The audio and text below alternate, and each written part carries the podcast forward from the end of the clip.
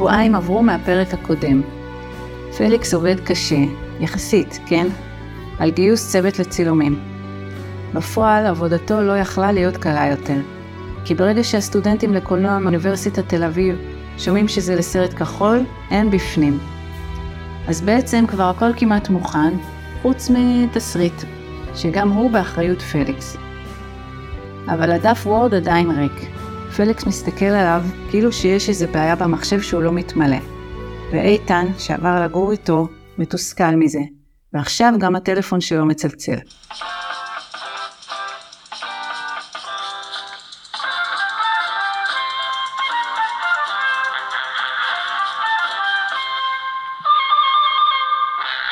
אבא של איתן מתקשר לשאול מה קורה איתו, אם הוא מתכוון לחזור לחנות בקרוב. לחנות וילונות, זוכרים? זו החנות של אבא של איתן. הוא גם שואל מה שלום ליאורה, דרך אגב. וזה בערך הדבר האחרון שאיתן היה צריך עכשיו. אז הוא עונה בצורה די מגעילה, ש... אני לא חוזר לחנות. וש... ליאורה בסדר, בסדר? וגומר את השיחה מהר. בלילה, פליקס בא לבקר את אמא ואבא. לא שלו, של איתן. מזמן הוא לא בא. הוא בסך הכל גדל אצלם, כי שלו אף פעם לא היו בבית. תמיד התעופפו בחו"ל איפשהו, כמו עכשיו. השכן המשוגע מקבל את פניו. זה איש שנפצע במלחמת יום כיפור, שגר עם אמא שלו, שיושב על המרפסת ושר בקולי קולות מהבוקר ועד הלילה, ששואל כל אחד מהשכונה שעובר, מאיפה הוא בא ולאן הוא הולך. הוא מכיר את פליקס ושואל אותו בצעקות מאיפה הוא בא. מאיפה אתה בא? פליקס מנופף לו, מתבלבל בכיוונים ועונה בטעות. הביתה! ההורים מתפלאים קצת שהוא בא. משהו קרה. אתה צריך כסף? מה קרה? לא, כלום. הוא רק רצה להרגיש עוד פעם כמו ילד שלהם קצת. אז הוא יושב על הספה ורואה טלוויזיה, אוכל, ואחרי שאימא הולכת לישון ראשונה, כמו תמיד, לילה טוב. הוא ואבא נשארים לבד מול המסך. אחרי כמה דקות גם אבא קם. פליקס נשכב על הספה. הלילה הוא גם נשאר לישון. אבא מכבה לו את האור בסלון. לילה טוב. אבא, אתה זוכר את הסיפור על זאתי מאילת? מי? זאתי שהייתה לך באילת כשהיית חייל. אתה יכול לספר לי את זה עוד פעם? אבא מתיישב לידו על הספה, וכאילו בגלל החושך הוא מספר את הסיפור בשקט. הייתה בחורה שהכרתי פעם בצבא, ובגלל חוסר תיאום בין החופשות שלנו היינו מתראים רק לכמה שעות, פעם בשבועיים בערך, ולא רצינו לבזבז אותן. ברור. עד שפעם אחת, אחרי כמה חודשים, סוף סוף היה לשנינו רגילה באותו זמן. אתה יודע כמה זה קשה לתאם את זה? לא. וירדנו לסוף שבוע באילת, ודווקא שם, כשהיו לנו שלושה ימים, 72 שעות. גילינו שאנחנו לא מסתדרים. כשהסוף שבוע נגמר, החזרתי אותה הביתה, והיה ברור לשנינו שגמרנו. אבל מה קרה שם באילת? לא שכבתם? בטח ששכבנו, שכבנו הרבה. לשכב לא היה בעיה. הבעיות התחילו כשקמנו. אני למשל, שכחתי לקחת כפכפים מהחדר. הייתי אסטרונאוט כזה, וזה אילת, קיץ, החול לוהט, המדרכה לוהטת. והיא עשתה פרצוף שהיא צריכה לתת לי כפכף אחד. או שהיא הייתה שחקנית מעולה, וכשנכנסנו למים, טוב, נעצור פה ונעבור לשבוע אחר כך, לפגישת הצוות הראשונה. כולם כבר מסתובבים עם התסריט שנקרא בואי לאילת, הסרט הכחול הראשון של איתן ופליקס הפקות.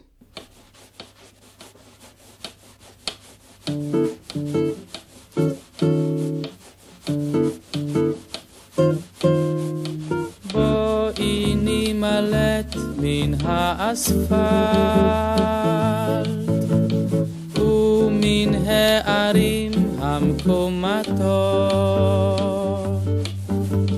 בואי נימלט אל הלגונות השקטות. בואי לאילת, לאילת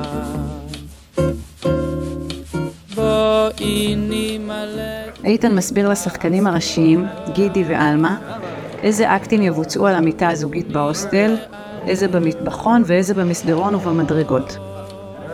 גידי, שלוקח את התפקיד מאוד ברצינות, נראה לא מסופק. אבל למה אני עושה את מה שאני עושה? מה מניע אותי? מה המניע שלי? לגמור. איתן עונה כשבדיוק נכנסת אורחת מפתיעה. זאת אינגריד ברגמן מקזבלנקה. לא, זאת שרה, או בכינויה גב ארוך, אהובתו לשעבר מלימודי מגמת הקולנוע בתיכון. המפגש המחודש ביניהם טעון. משהו לא נגמר שם. משהו באיך שהם לא יודעים אם להתחבק או להתנשק ואיפה לגעת אחרי 24 שנים. איתן מביט בפליקס כאילו הולך לרצוח אותו. שרה תופסת את מקומה על הסט בתור יועצת הפקה שפליקס שכר. יחי, חובב קולנוע, בתול ואחיינו של פליקס, מנהל את ההפקה ביד רמה, אבל לא בטוח שהוא מבין על מה הסרט הזה. הוא ניגש לדוד שלו לברר. אני לא מבין. זה סרט על זוג שלא מסתדר, אבל יש להם אחלה סקס? אני לא מבין את זה. עזבתי בזה עכשיו. איתן מציע שהם יתאמנו עכשיו על יבש כולם, שחקנים וצוות. הוא צועק, אקשן. והסצנה מתחילה. גידי ואלמה מתנשקים בעדינות ומתחילים להזדיין על המיטה עם בגדים. בסוף הזיון, איתן שוכח להגיד cut. שרה מזכירה לו, האישה היחידה מאחורי המצלמה. cut? קאט. קאט, קאט, קאט. אוי, קאט, קאט, קאט. עלמה השחקנית, קרירה ממוצא גרמני, מבקשת סיגריה. סיגריה.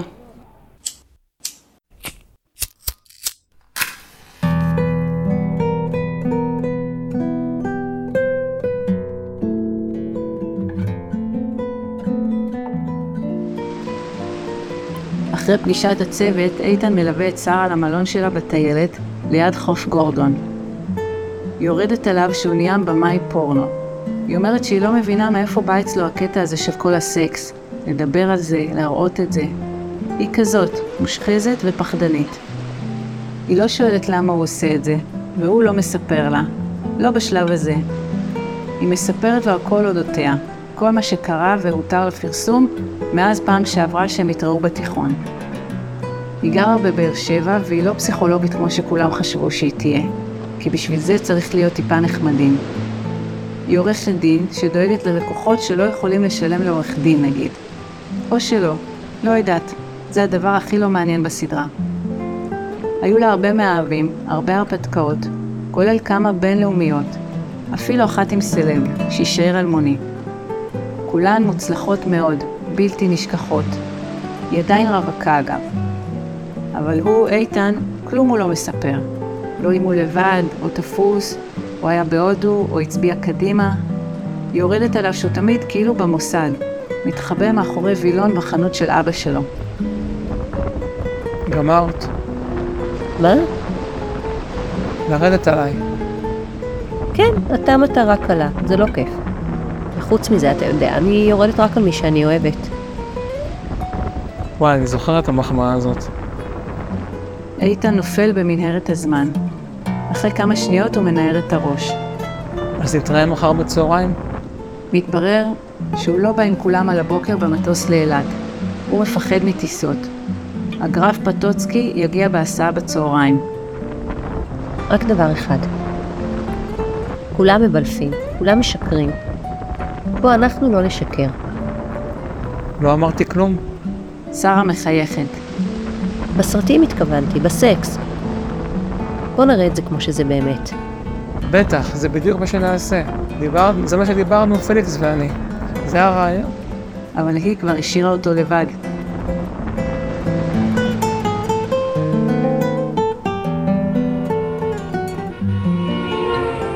עכשיו הבנתי מה היא באה לייעץ. איתן אומר בלילה מהספה שעליה הוא שוכב אצל פליקס. אולי די עם הגיטרה בשלוש בלילה? סליחה, פליקס עונה ליד ומתחתיו, מהמזרון על השטיח שהוא העדיף.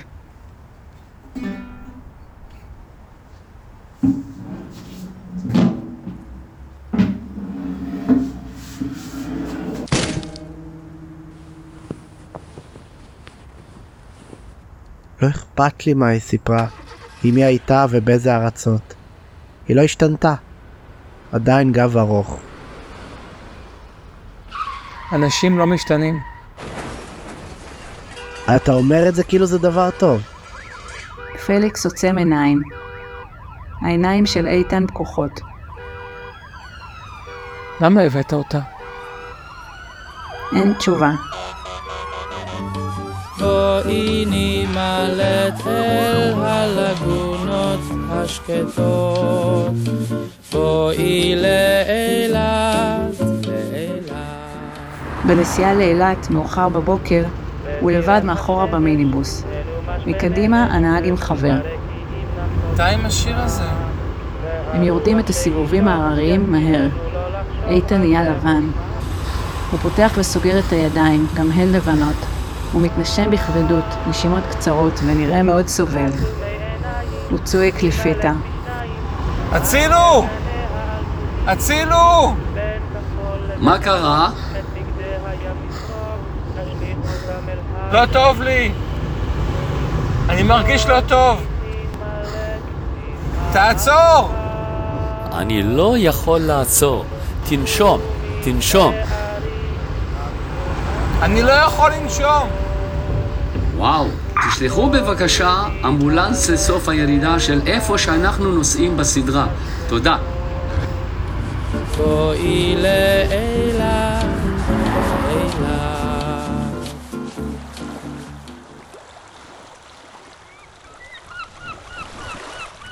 הפרק נגמר בצהריים, כשהצוות מצלם באילת את הסצנה הראשונה בלי איתן.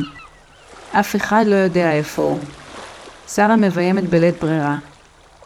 הם בים, ומצלמים את מה ששמענו את אבא של איתן מתחיל לספר אז בלילה לפליקס וקטענו אותו. אקשן. עלמה נכנסת ערומה למים ומתחילה לשחות. גידי נכנס אחריה, גם כן ערום.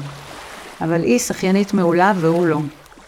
היא לא מחכה לו, והוא נשאר מאחור, צועק לה לחכות לו, ירדנה! אבל היא ממשיכה לשחות הרחק ממנו, פנימה.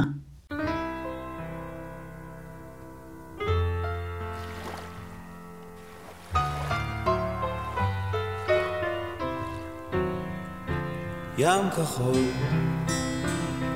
ושמיים, שתי סירות של נייר, הדייג יורד למים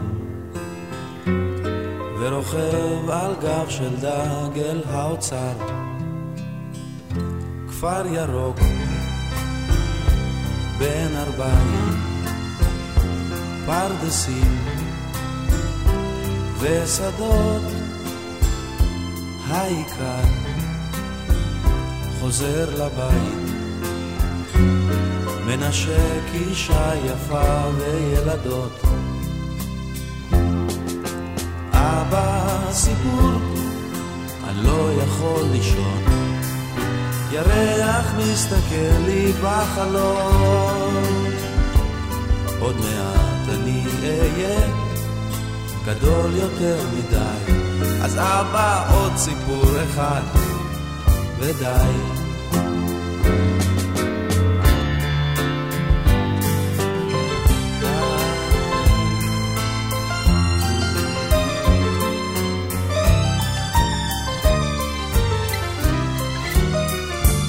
Girgia,